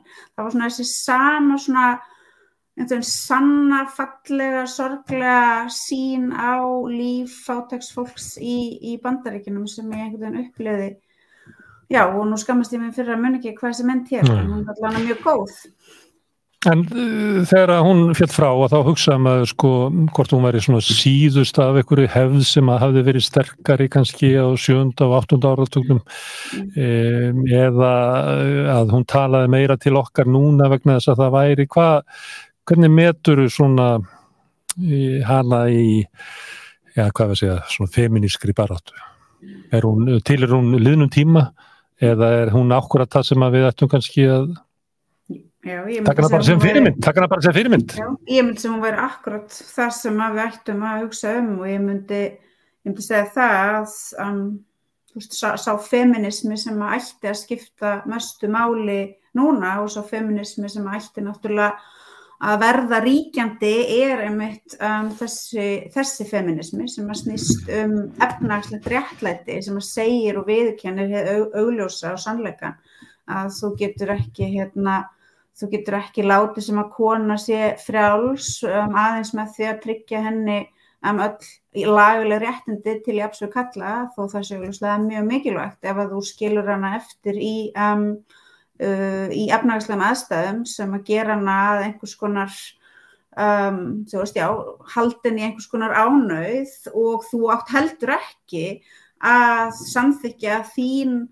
frelsun sem konu undan því að hérna, þurfa að æða allum tímaðínum í að sjá um eigin börn og eigin heimil og fjölskyldu að þú sést út af vinnumarkanum að afla þinn eigin tekna að það sé líka einhvern veginn á kostnað um, hvernar sem eru neðar í, í stekkastegunum sem eru veist, ekki mentaðar eða mentun þeirra er einhvern veginn ekki metin nógu verð mikil. Um, og ég menna hún náttúrulega Barbara ásamt manni sínum er svo sem að byrjar að nota þetta hugtak, finnur upp þetta hugtak hérna professional managerial class og mm. hérna þa þar er, þú veist, þar greinir hún þessi svona mjög raunverulegu stjarta átök um, á milli um, vinnuafsins og svo hinna sem hafa færst upp úr um, þeirri stjart til heyra henni ekki lengur og hafa vilja ekki, ekki tilherinni, vilja ekki vilja leggja mikið upp úr því aðgrænsi frá henni. Leggja mikið upp úr og bara fyrst við erum svona on the subject þá hérna um, myndband sem að BHM lætu framlega þarna fyrir einhverjum árum síðan um, þar sem að það er dregin mynd upp á annars, konar, annars vegar láluna konunni og hins vegar mentuðu konunni og þeim einhvern veginn sko stilt upp sem svona hérna átakapunktinum sko um, og það er einmitt svona eitt að mínu viti er eitt svona ógæslegasta dæmið um einmitt þetta svona þessa andúð um, hérna háskólamentaðu millistjættarinn hérna betur sattu á þeim sem að samt gera, gera það sem þarf að gera, þú veist, halda öllu gangandi, en endur framleiða allt samfélagið með vinnu sinna hverjum einasta deg og fá ekki einu sinni sko, engar þakkir ekki laun sem dögu heldur fá líka það, það er svona sparkað alltaf með reglulegu millibili mjög fast um í, í þær sko af þeim sem ættu mm. frekar að koma að segja þakka að kella fyrir að hérna gera allt sem þú gerir vegna þess að það hjálpar mér til þess að geta það gert það sem að ég er að gera mm. Herru, Solvana, ég þakka fyrir að vaka eftir okkur vegna þess að dreygist það er svo þetta, við erum við fyrsta þáttir í svona nýju formi og við náttúrulega kunnum það ekki þannig þetta er óknar langt. En það verður hægt að nálgast hann á YouTube og kannski eitthvað strandast þar, þess að við bútum hann svona niður, þannig að fólk þarf ekki kannski að uh, horfa á, á, á einn og halvan tíma af efni. Blessu sér minning Barbaru, lengi, lengi lifi hún Tökum, tökum undir það. Og hérna ég held ég slái bara botnin í þáttin núna. Við eigum eitt eftir efni eftir að við sleppum því. Tökum það fyrir á morgun. Tökum það fyrir á morgun. En við verðum enn aftur á morgun klukkan 8 ég hvet þá sem að hafa ánægjaði að, að læka síðunar okkar á Facebook og YouTube. Þau sem að vilja stuðla uppvexti samstöðunar sem er í fæðingu geta gengið í allsvíðfélagi sem að stýður uh, samstöðuna fjárhastlega. Það er gert með því að fara inn á samstöðun.is og gerast félagiðar. Þetta er félagslegur rekstur og þeir sem eru félagir í, í allsvíðfélaginu hafa allir ja, mikinn aðgang að því að geta haft áhrif á, á vöxt samstöðunar. En ég þakka gestum mínum öllum kjallaði fyrir og þeim hlustundum sem hafa verið með okkur hérna í kvöld kjallaði fyrir og segi bara að við sjáumst á morgun.